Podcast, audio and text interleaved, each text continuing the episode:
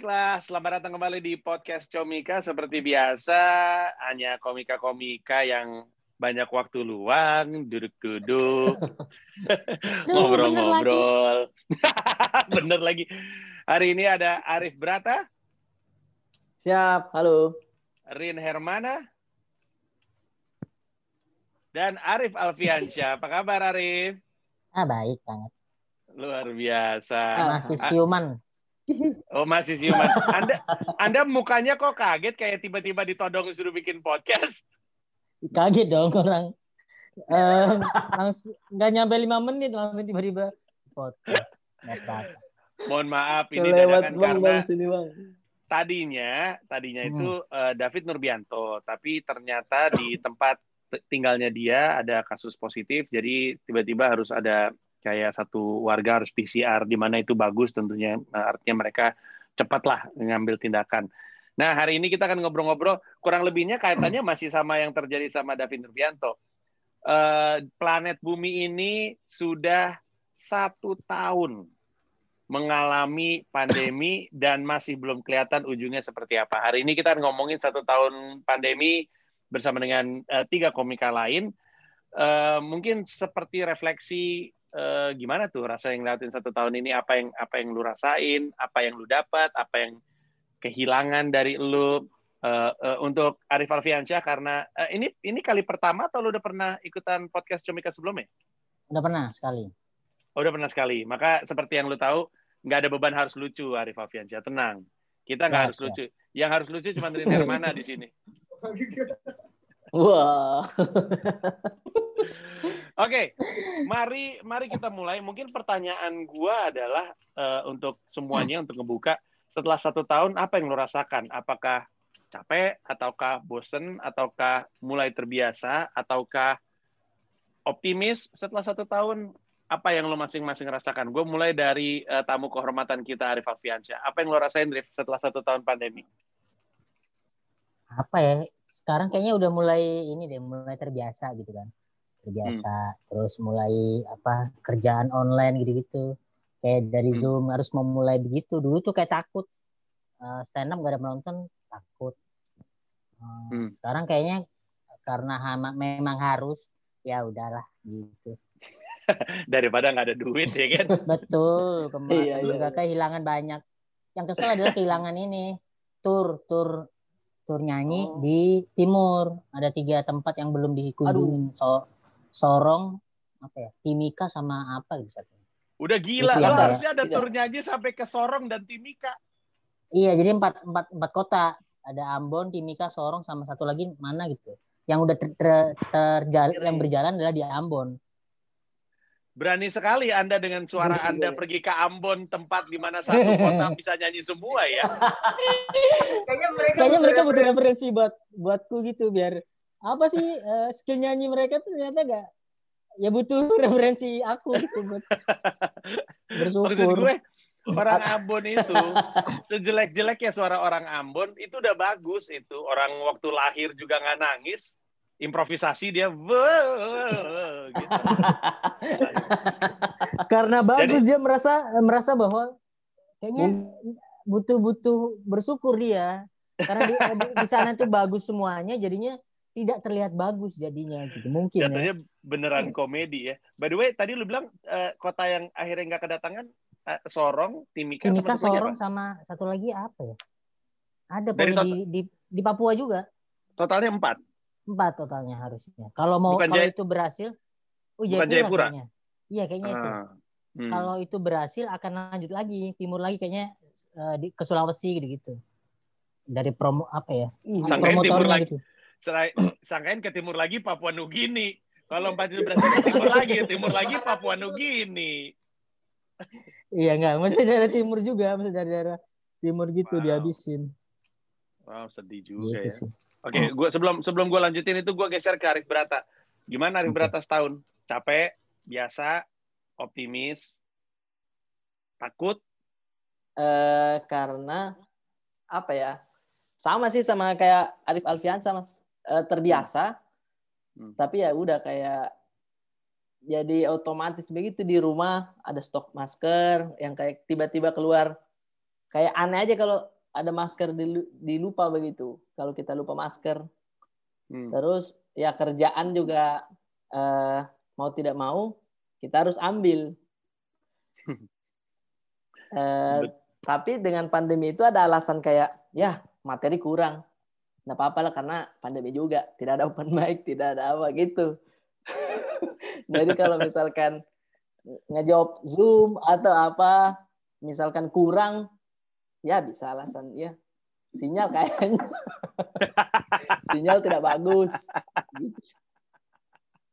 sinyal lagi padahal mau saya iya. tadi sebenarnya lucu cuman sinyal dan anak gitu saya ya. tuh iya bisa bisa alasan begitu. Waduh tadi udah punchline tuh mas.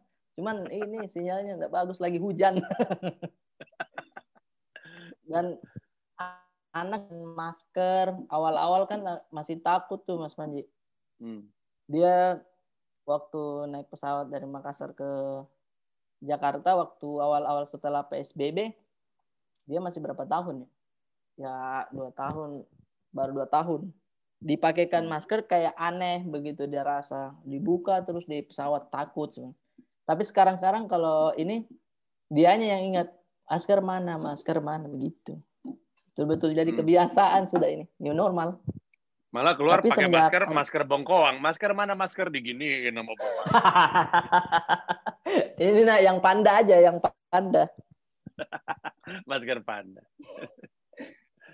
Oke, kalau Rin Hermana Iya, jadi uh, setelah Eh sorry sorry, gua gua skip dulu ke Rin Hermana dulu. Rin Hermana lu apa? Lu um, ngerasanya seperti ya. apa? Bingung, takut, marah?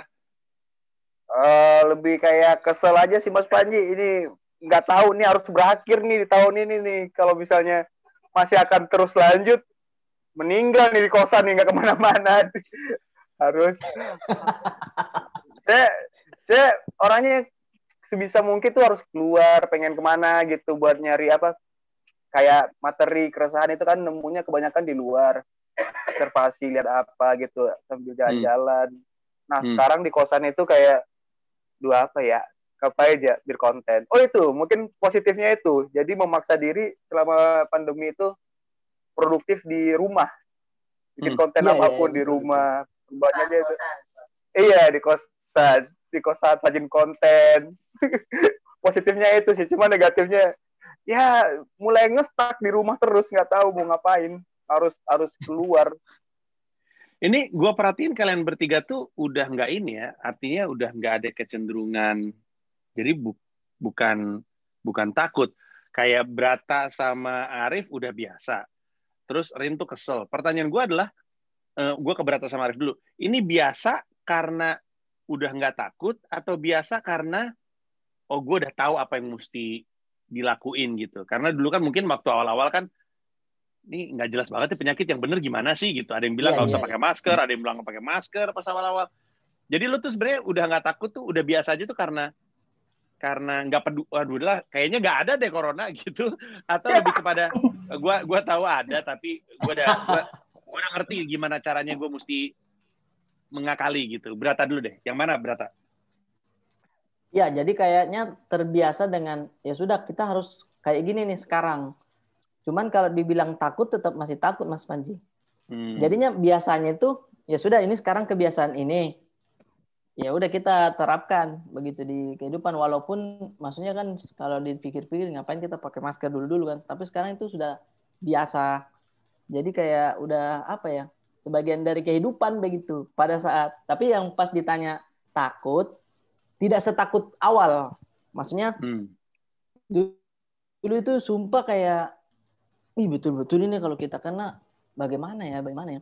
Cuman kan ke sini sininya sudah mungkin uh, udah jelas begitu penanganannya begini. Terus vaksin juga sudah mulai berjalan. Jadinya pas eh, gimana tuh jalannya vaksin kalau boleh tahu Aduh, kalau jalan kalau jalannya Gini sambil nih. salto agak kurang ya kayaknya ya. Jadi bantu Arif Alfiansyah. Jalannya gini katanya. Gemulai sekali vaksin jalannya ya. Uh, mohon maaf yang nonton di iya, itu, nongkrong sama stand up comedian suka kayak gitu. Kalau ada yang bilang kita kaget kayak gimana kagetnya suka digituin soalnya. Jadi hari berata ngomong vaksin mulai berjalan gue gatal sih. Kayak gimana sih jalan? Ya sorry sorry. Jadi gimana tadi? Karena vaksin udah mulai jalan terus? Takutan itu sudah tidak kayak awal awal-awal Mas Panji. Hmm. Hmm, Oke. Okay. Kalau ya eh, sudah. sorry sorry. Uh, ya itu sih itu sih jawaban Udah. saya mas aman dari yang saya iya.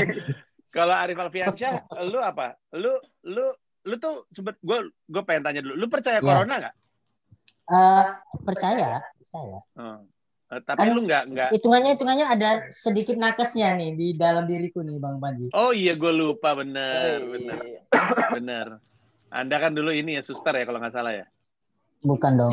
Aku mau turis. Masuk grup juga. Masih masih penerbangan ini masih ngikut-ngikut gitu. Gimana? Gimana? Lu lu jadinya nggak takut karena sebagai akupunkturis Anda sudah mengakupungturi diri sendiri Betul. sehingga tidak perlu vaksin atau apa? Kenapa lu kenapa lu udah udah biasa tuh kenapa? Capek, bosen? Oh, bukan ah, udah, udah biasa. Membiasakan diri jadinya. Hmm. Rin, matiin dulu Rin, punya Rin. Uh, banyak, jadinya banyak kayak memba mem membiasakan diri gitu. Iya. Karena kan yang terjadi begini nih kemarin meratapi kan awal-awal meratapi terus kita harus bangkit nih nggak boleh gini terus jadi caranya apa mencari uangnya harus berbeda harus berbeda di digital gitu gitu ngikutin berata gitu gitu. Harus gitu yeah. sih bang Banji sama kalau kan tiap kerjaan sekarang harus swab atau apa gitu. Nah aku punya ilmu yang menurut beberapa teman profesi itu kayak ini dengan aku buntur titik ini ini akan uh, meningkatkan imun. Udah ini adalah karena ini virus masalah udah dijabarin pokoknya ini masalah ini ini ini ini. Udah pokoknya sering-sering aku buntur aja gitu. Jadi kayak ngerasa bahwa uh, kalau sakit oh. udah aku buntur vitamin terus ngerasa ngerasa tes tuh kalau tes swab atau apa itu merasa teger aja gitu ayo bisa nih gitu gue baru gitu. tahu kalau ternyata di dunia akupunktur ada pendekatan yang bisa dilakukan untuk uh, untuk COVID lebih kepada meningkatkan daya kebal atau atau ya. untuk ngebiasain dicolok-colok?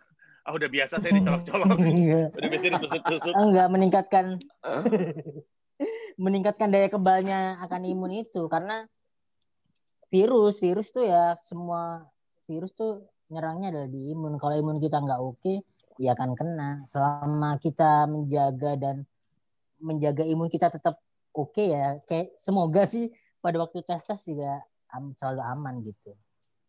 Oh berarti ada titik-titik yang bisa misalkan di titik bagian sini nih itu bisa meningkatkan imun gitu ya di akupuntur itu. Ya ada. Oh, orang ada titik ini buat biar nyuruh kencing ada kita kita nih nggak pengen kencing nih terus udah aku bisa nyari titik yang lima menit dari kustusuk itu kencing bisa gitu Eh, Arif ah, Alfiansyah, lu kan satu kosan sama Kantung Rin Hermana kan? Ya.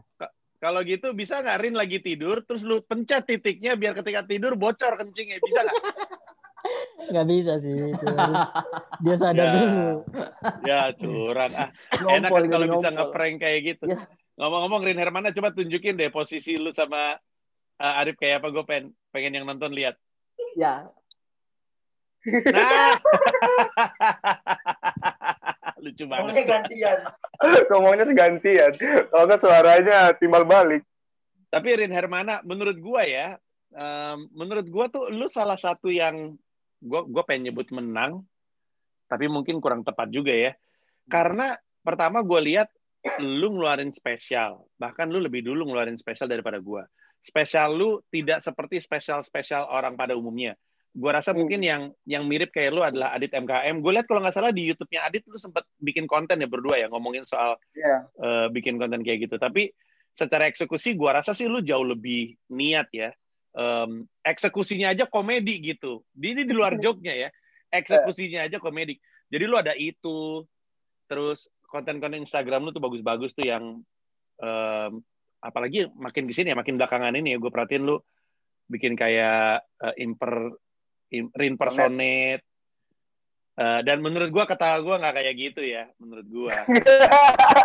Saya ah. saya pokoknya Pak Mas Panji terus nyari dulu nih. Ini apa ya? Yang ini yang ini. Oh, bukan ini bukan.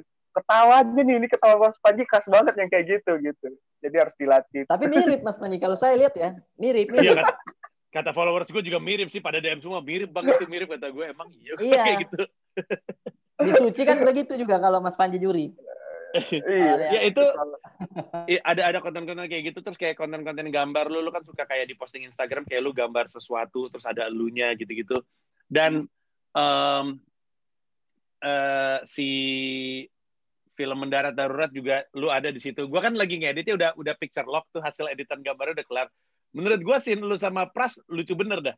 Uh, walaupun anda hemat dalam dialog, tapi mungkin lu gede banget soalnya jadi pasti nyanter.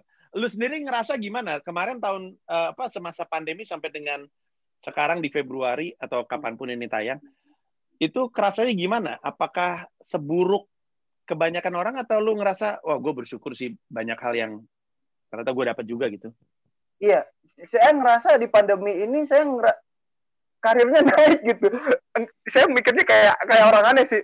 Ini kenapa pas pandemi di mana orang-orang ngeluh wah job saya ini nih susah nih wah saya kerja dipecat nih saya ngerasa kayak uh, kemarin main film sama Panji nah kemarin ke sini terus kemarin dapat ini kok kok gitu maksudnya bukan bukan harus wah pandemi yes jadi berkarya gitu. Enggak. Anda sombong di atas kesusahan orang ya dari Nerva. Enggak, enggak gitu maksudnya. Enggak. Anda enggak tahu saya enggak. punya masalah saya sama Iya, tahu. Nah, nah.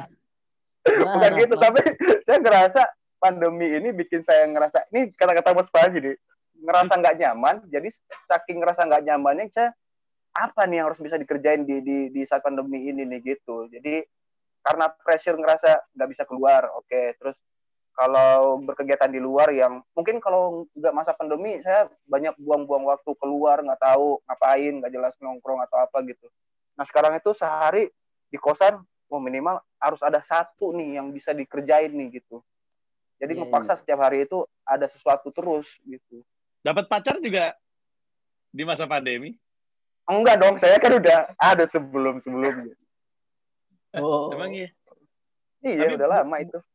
Oh, itu udah lama? Udah lama. Oh, dari sebelum pandemi? Dari sebelum pandemi. Cuman ini ya, jadi long distance relationship ya? Iya. Aduh. Terus banyak video call dong? Banyak video call. Jadi karena pandemi ada alasan nggak pulang dulu. Ya. Oke, okay, kalau kalau uh, Arif Alfiansyah tadi kan lu cerita soal yang yang yang hilang, yeah. lu iya. kehilangan karena pandemi ini. Uh, tapi ada ini nggak ada ada apa namanya? Wah ini kita ada tamu istimewa nih. Gue bawa masuk aja. Ada yang lu dapatkan nggak? Apanya? Dari ada, dari di masa pandemi ada yang baru lu dapatkan nggak? Apa gitu kira-kira? Mungkin lebih banyak belajar ini sih bisnis gitu sih Bang Mandi. Belajar bisnis fokus ke investasi gitu-gitu. Wah eh, David Nurbianto apa kabar? Aman gak nih keadaan? Aman aman. Jadi ya maklumin aja gue sekarang jadi pengurus RT jadi kalau ada suatu kejadian di komplek saya harus berkontribusi. Nanti kita ceritanya offline aja nggak enak karena hubungannya okay. sama ini tetangga. Ya. Ini gue bawa pemain pengganti nggak apa-apa untuk satu episode dulu ya. Kita okay. berlima aja dulu nih sama Arif Bianca. Kita lagi ngomongin soal tadi gue lagi nanya sama Arif uh, apa yang dia dapat di masa pandemi. Dan Arif Alfiansyah ngomongin soal bisnis dan investasi. Lu lu ikutan ya. main ini, ikutan main saham kayak orang-orang itu. Udah lama tiga tahun yang lalu malahan. Sebelum oh, ada ya? Pico sebelum ada siapa? Keling. Dulu hmm. bareng uh, Beni sih yang ngajarin gitu gitu jadi belajar terus itu gitu di masa dan, pandemi lu menang nggak? Kan saya nggak ini nggak main nggak nggak trading tapi nabung. Oh nabung. Oh, dia modelnya jangka panjang ya jangka panjangnya ya, ya, ya. terus oh, belajar gitu. ini juga bisnis bisnis gitu biar dapat investor gitu gitu gitulah bang Panji dan alhamdulillah bulan ini dapat investor. Gitu, gitu. Untuk bisnis apa? Gue nggak tahu nih. Digital. Digital tuh maksudnya apa? Ya perkontenan lah, seputar konten. Gitu, oh gitu. Jadi trial trial tiga bulan, kalau tiga bulan berjalan dengan baik, empat bulan keempat legalnya harusnya udah ada. Gitu. Hebat juga anda. Ngeri. Ngeri, terpaksa. Karena harusnya tahun ini juga tahun 2020 tuh spes bikin spesial lagi tapi lu nggak tahu dah. Iya, ngomong-ngomong ngomong soal spesial, spesialnya Arif Alfiansyah juga ada tuh di comika.id. Ya. Oh, iya ada. Cerita ada. dong, apa spesialnya yang mana? Iya. Yang mana? Yang baru yang itu ya From Tiny to Funny. Beda, beda, beda. Itu, itu orang kecil lain. Ya? Oh beda, oh, sama-sama kecil doang ya. Pokoknya ada kalau yang di udah di Comika ada overacting ada, ada Little Icon ada. Ini lagi dikerjain yang apa judulnya? Kisah tidak arif gitu-gitu. Terus harusnya ini tahun kayaknya tahun ini kalau kalau dapat tempat bikin lagi gitu tentang yeah. seputar nyanyi fals. Oh iya mantap, mantap. Ngomong-ngomong soal spesial, David Nurbianto baru saja mengumumkan atau ngerilis poster teaser tuh Ayah ikhlas. Selamat David Nurbianto. Yoi. Akhirnya spesial di dalam ruangan. Terima kasih. Mantap David. Uh, uh, kita kita tunggu aja ntar jadinya seperti Tenang, apa. Gua ke tenang, gua ke gua udah, ya, Kenapa kenapa kenapa Fit? Wih, Fit, kenapa Fit? Gak apa-apa, kalau hujan lagi pun udah. Nah, Gua nih kayaknya. Kalaupun spesial gue hujan lagi, Arif bisa dia pawang. Ya tinggal hubungin aja, baju cocok, ayo jalan. Bagus. Bagus. By the way, ini musim hujan ya. Koneksi internet gue rada ngaco nih, mohon maaf nih. David Nurbianto, gue ke lu dulu deh. uh, apa namanya ya. tadi soalnya yang lain udah gue tanya sekarang gue mau nanya sama lu um, lu nih sekarang kondisinya apalagi lu habis ngurus-ngurus tadi ya lu nih saat ini kondisinya tuh takut sama pandemi, capek, kesel, biasa aja, nggak peduli. Sekarang nih statusnya terhadap pandemi setelah satu tahun berlalu tuh seperti apa? Gua rasa ini mungkin nggak terjadi sama gue doang ya. Gua rasa kejadian sama orang lain. Bahwasanya udah setahun ini, akhirnya tuh COVID nih cuma masalah sentimen pribadi masing-masing aja. Hmm. Ngadepin masalah ini ya punya sentimen pribadi, punya kepercayaan pribadi yang dia pegang terus tuh dan gak mesti sama sama orang. Kayak kayak misal gue agak sentimen gue kena tuh ketika statementnya dokter Tirta yang bilang kalau orang kampung yang dulu hidupnya kotor bersyukurlah kalian karena kalian punya tentara lebih kuat gue gue jadi punya nah karena gue orang kampung dan gue ngerasa masa kecil gue jorok gitu kita kan main di empang main di got gitu ya kan hmm. ya kan kita bersahabat lah sama kotoran sama penyakit gitu dan hmm. dulu tuh mainnya di kon gitu kita bukan anak komplek yang takut hmm. keluar rumah gitu hmm. hmm, hmm. nyari ikan di got gitu nah gue ngerasa sentimen itu kena ke gue mas hmm.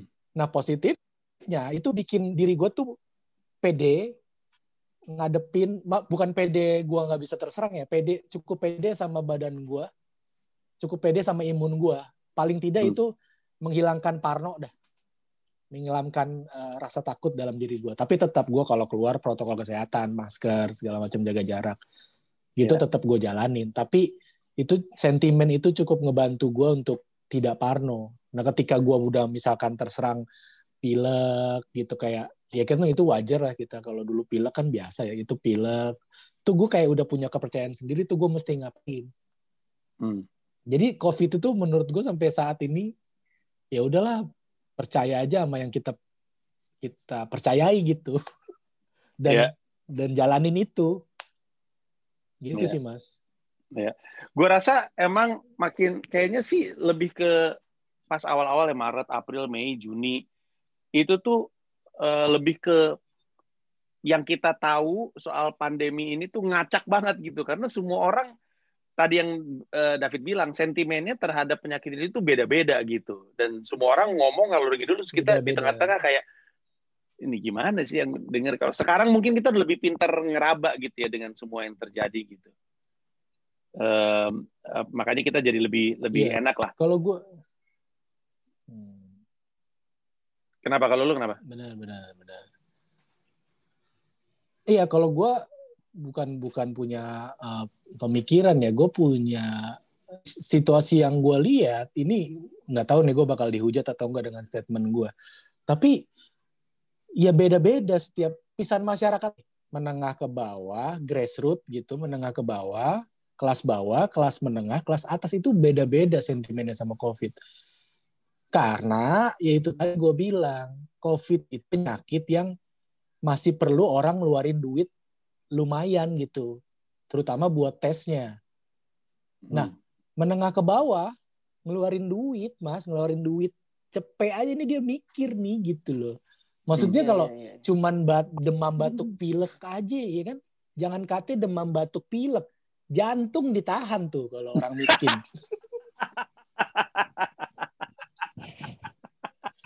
Iya. ditahan jantung. Itu bocoran jantung materi gue ntar tuh. Iya. Lucu iya banget. Loh, maksudnya orang miskin tuh nggak bisa lu suruh rapid test bayar dua setengah gitu bayar apalagi swab anti nggak bisa perlu pemerintah yang turun gitu ketok-ketok pintunya Yeah. ya jadi susah emang kalau mau mau ngandelin betul, betul, masyarakat betul. pemerintah yeah, yeah, ngandelin yeah. masyarakat ngajak kerja sama ya gimana masyarakatnya kan gue gue pernah gue bilang di materi gue kalau kecuali bagi grassroots nih kecuali covid ganti gejala jadi lapar takut tuh mereka Iya enggak? Iya, iya, iya. Kalau gejalanya cuma batuk pilek ya Allah, mereka sehari-hari dari dulu udah begitu. Ada tolak ya. angin, ada mixagrip, ada apa tuh? Sebutin aja obat. Anget, ada kerokan. Ya, ya, Teh anget. Gitu. Mohon maaf nih, ini bukan bukan gue yang ngomong. Maksudnya gue melihat ya, itu mewakili suara terjadi, gitu. masyarakat ya, ya grassroots mewakili grassroots. David David Nurbianto iya. kan da, sekarang namanya David Grassroots namanya sekarang udah bukan David Nurbianto emang rakyat banget. David. tapi kita iya, kita makanya kalau mau covid kelar pemerintah ya sedikit nih mas. Kalau mau covid kelar pemerintah mau lah spend gitu money buat rakyat yang lu rasa susah diatur ini. Buat rakyat yeah. kecil yang susah diaturin yang ke pasar masih malas pakai masker ya udah turun ke pasar gitu. Tes massal gratis begitu ada yang positif karantina kasih duit makan gitu. Ya gue inget waktu Aduh, itu di salah satu pasar tapi, tapi gue lupa pasar apa. personal, personal branding itu bagus. Ngomong-ngomong itu tadi gue inget di di pasar daerah mana tuh gue lupa. Kalau gue nggak salah daerah eh, Indonesia Timur deh. Yang ada ibu-ibu nggak pakai masker ketika dagang disamperin semacam satpol pp Terus ibu-ibunya apa? Apa itu? Mana ada? Gak ada. Betul nggak? Betul. Semua semua yang di pasar betul. Jadi kayak aksi massa gitu kata gue. Gue ngeliatinnya ya Allah susah bener ini. Tapi um, gue tuh gue tuh punya semacam harapan sebenarnya uh, di di pandemi ini. Gue gue berharap berharap dengan begitu banyak yang hilang dari kita karena pandemi, tetap lebih banyak yang kita dapat karena pandemi. Itu harapan gue. Tentu ini beda-beda ya. Ada yang ada yang berat sekali karena kehilangan keluarga, kehilangan anak, um, kehilangan teman. Um, salah satu kawan baik gue namanya um, Martin Sabah hari ini meninggal dan walaupun mungkin bukan karena COVID ya dia serangan jantung, tapi itu menambah begitu banyaknya orang-orang yang pergi dari kita di tahun ini dan tahun sebelumnya. Tapi gue berharap itu walaupun kita banyak hilang, harapan gue yang datang juga banyak. Kayak gue kemarin lagi ngitung-ngitung tuh dari dari pandemi ini yang datang ke gue yang gue dapat yang baik tuh apa aja ya. Satu, gue lebih banyak di rumah. Itu berharga banget buat gue. Terus bisa bikin konten via Zoom. Ini kita dapat karena pandemi. Gue sih bersyukur ya. Jadi nggak mesti ke mana-mana. Kebayang nggak gue jam segini? Well, jam 21.44 keluyuran di tempat orang di studio. Terus yang juga didapat dari um, Eh, pandemi adalah setidaknya dari sisi gue, gue ngerasanya um, uh, gue karena gue gue sangat peduli sama perubahan di pendidikan dan pendidikan susah banget berubahnya. Setidaknya ini tuh kayak memaksa terjadi perubahan itu yang gue dapatkan. Nah sekarang gue pengen tanya yang yang lu dapat yang baik karena pandemi itu apa? Uh, kalau selain job ya, lebih ke hal-hal yang sifatnya umum yang semua orang ngerasain gitu uh, apa sih yang lu dapat? Misalkan skill baru. Uh, kayak Rin um, kalau tadi gue simpulkan tapi mungkin Rin jawabannya beda. Yang dia dapat adalah dia jadi dipaksa untuk giat gitu uh, karena pandemi gitu misalnya itu. Bisa jadi itu hal baru kan? Um, yeah. jadi kebentuk Rin karena pandemi. Uh, yang lu dapat apa? Kayak uh, kayak kita kehilangan banyak dari pandemi tapi yang kita dapat karena pandemi itu apa? Gue mulai dari Arif, Brata dulu deh dapat uh, apa Brata kalau saya sih mungkin sama kayak Rin ya uh, semenjak pandemi itu karena terusan di rumah begitu akhirnya jadi followers Instagram lumayan naik gitu. Walaupun mungkin itu hal biasa ya bagi orang-orang, tapi kalau saya alhamdulillah ini. Jadi akhirnya eh, bikin-bikin konten terus. Uh, maksudnya ilmu-ilmu yang mungkin selain stand up ya, komedi itu saya bisa pelajarin dengan konten-konten dengan kayak nonton dan orang, pelajarin YouTube-YouTube uh, konten kreator. Oh ini uh, editannya seperti ini ya. Terus yaitu berkat pandemi juga banyak aplikasi-aplikasi yang ya bisa saya pelajarin begitu edit edit oh ternyata pakai aplikasi ini. Kalau audio kita pakainya ini itu sih maksudnya bersyukurnya karena dapat hal-hal baru lagi semenjak pandemi itu ya oke okay. uh, kalau Arif Woyoy Alfiansyah apa yang lu dapat apa Aduh, aja. Apa ya banyak lebih banyak belajar evaluasi yang dulu dulu sih Bang Panji. Hmm. Kan dulu kan intinya pengen belajar berbisnis dari dulu karena ngerasa bahwa hidup di entertain tuh di depan di depan layar tuh nggak selamanya gitu. Jadi harus mulai belajar gimana cara di belakang atau punya bisnis lain lah gitu. Karena yang dulu-dulu kan gagal tuh jual pentol gagal. Terus uh, jual jualan snack makaroni gagal gitu kan. Gue inget semua itu.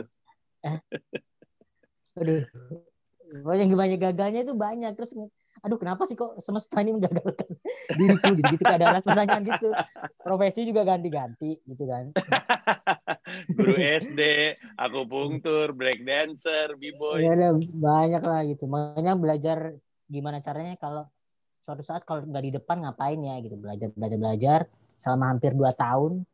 Terus ketemu Benny juga diajarin investasi gimana caranya nabung saham ketemu Bang Radi juga tanya seputar saham reksadana gitu-gitu. Terus karena sekarang tuh ketertarikan terus gimana sih belajar sistem perusahaan kayak gini bikin perusahaan itu tahu bahwa Wah. sampai akhirnya sekarang dapat investor gitu. Bagus. Bagus, bagus. Rada ini ya, uh, seneng deh dengarnya tuh maksud gue pandemi itu bener-bener ngebawa kita keluar dari yang biasanya mungkin emang selama ini bukan nyaman ya, biasa aja gitu. Hidup tuh ya udah biasa aja. Jadi ketika hidupnya nggak biasa, jadi kepaksa untuk berubah. Maksud gue ilmunya jauh banget kan Ariel Fabiansyah. Mungkin nggak kebayang gitu bisa bisnis. Kalau Rin Hermana, yang lu yang, yang bagus-bagus doang tapi yang ku, ku ceritain. Iya, yang jelek-jelek mah kan kita semua udah tahu. Rin Hermana apa Rin Hermana yang lu dapat? Uh, lu kehilangan banyak uh, misalnya, tapi hmm. apa yang lu dapat yang terjadi karena pandemi ini?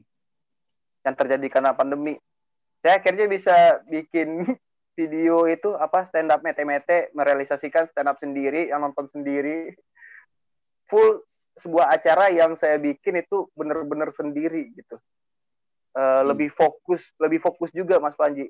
Kalau hmm. dulu kan kalau punya ide mau bikin apa gitu terus tiba-tiba kepikiran ah luar ah nongkrong ah gitu. Jadi idenya ditahan dulu akhirnya nggak digarap terus lupa gitu.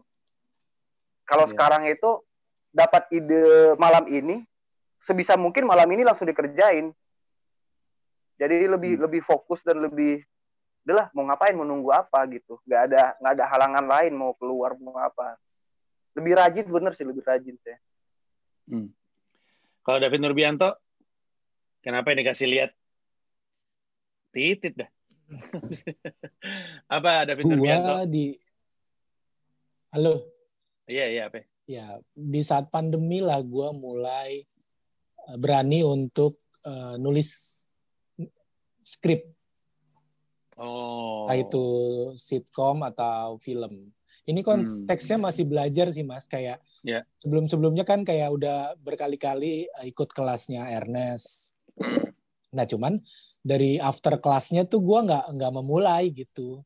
Hmm. Gue nggak memulai project gitu. Tapi di pas pandemi karena waktu banyak kosong di rumah, jadi gue mau beranikan diri untuk uh, bikin uh, script uh, kayak script sitkom itu udah sampai jadi pilot projectnya sampai jadi file jadinya yang udah gue coba kelilingin ke beberapa PH-PH untuk uh, siapa yang mau atau ke TV tapi belum ada yang ikut tapi paling enggak gue berani untuk mengaplikasikan uh, apa namanya hasrat nulis gue nulis skrip gitu maksudnya jadikin komedi gue di platform lain gitu di uh, kayak sitkom atau film kayak gitu.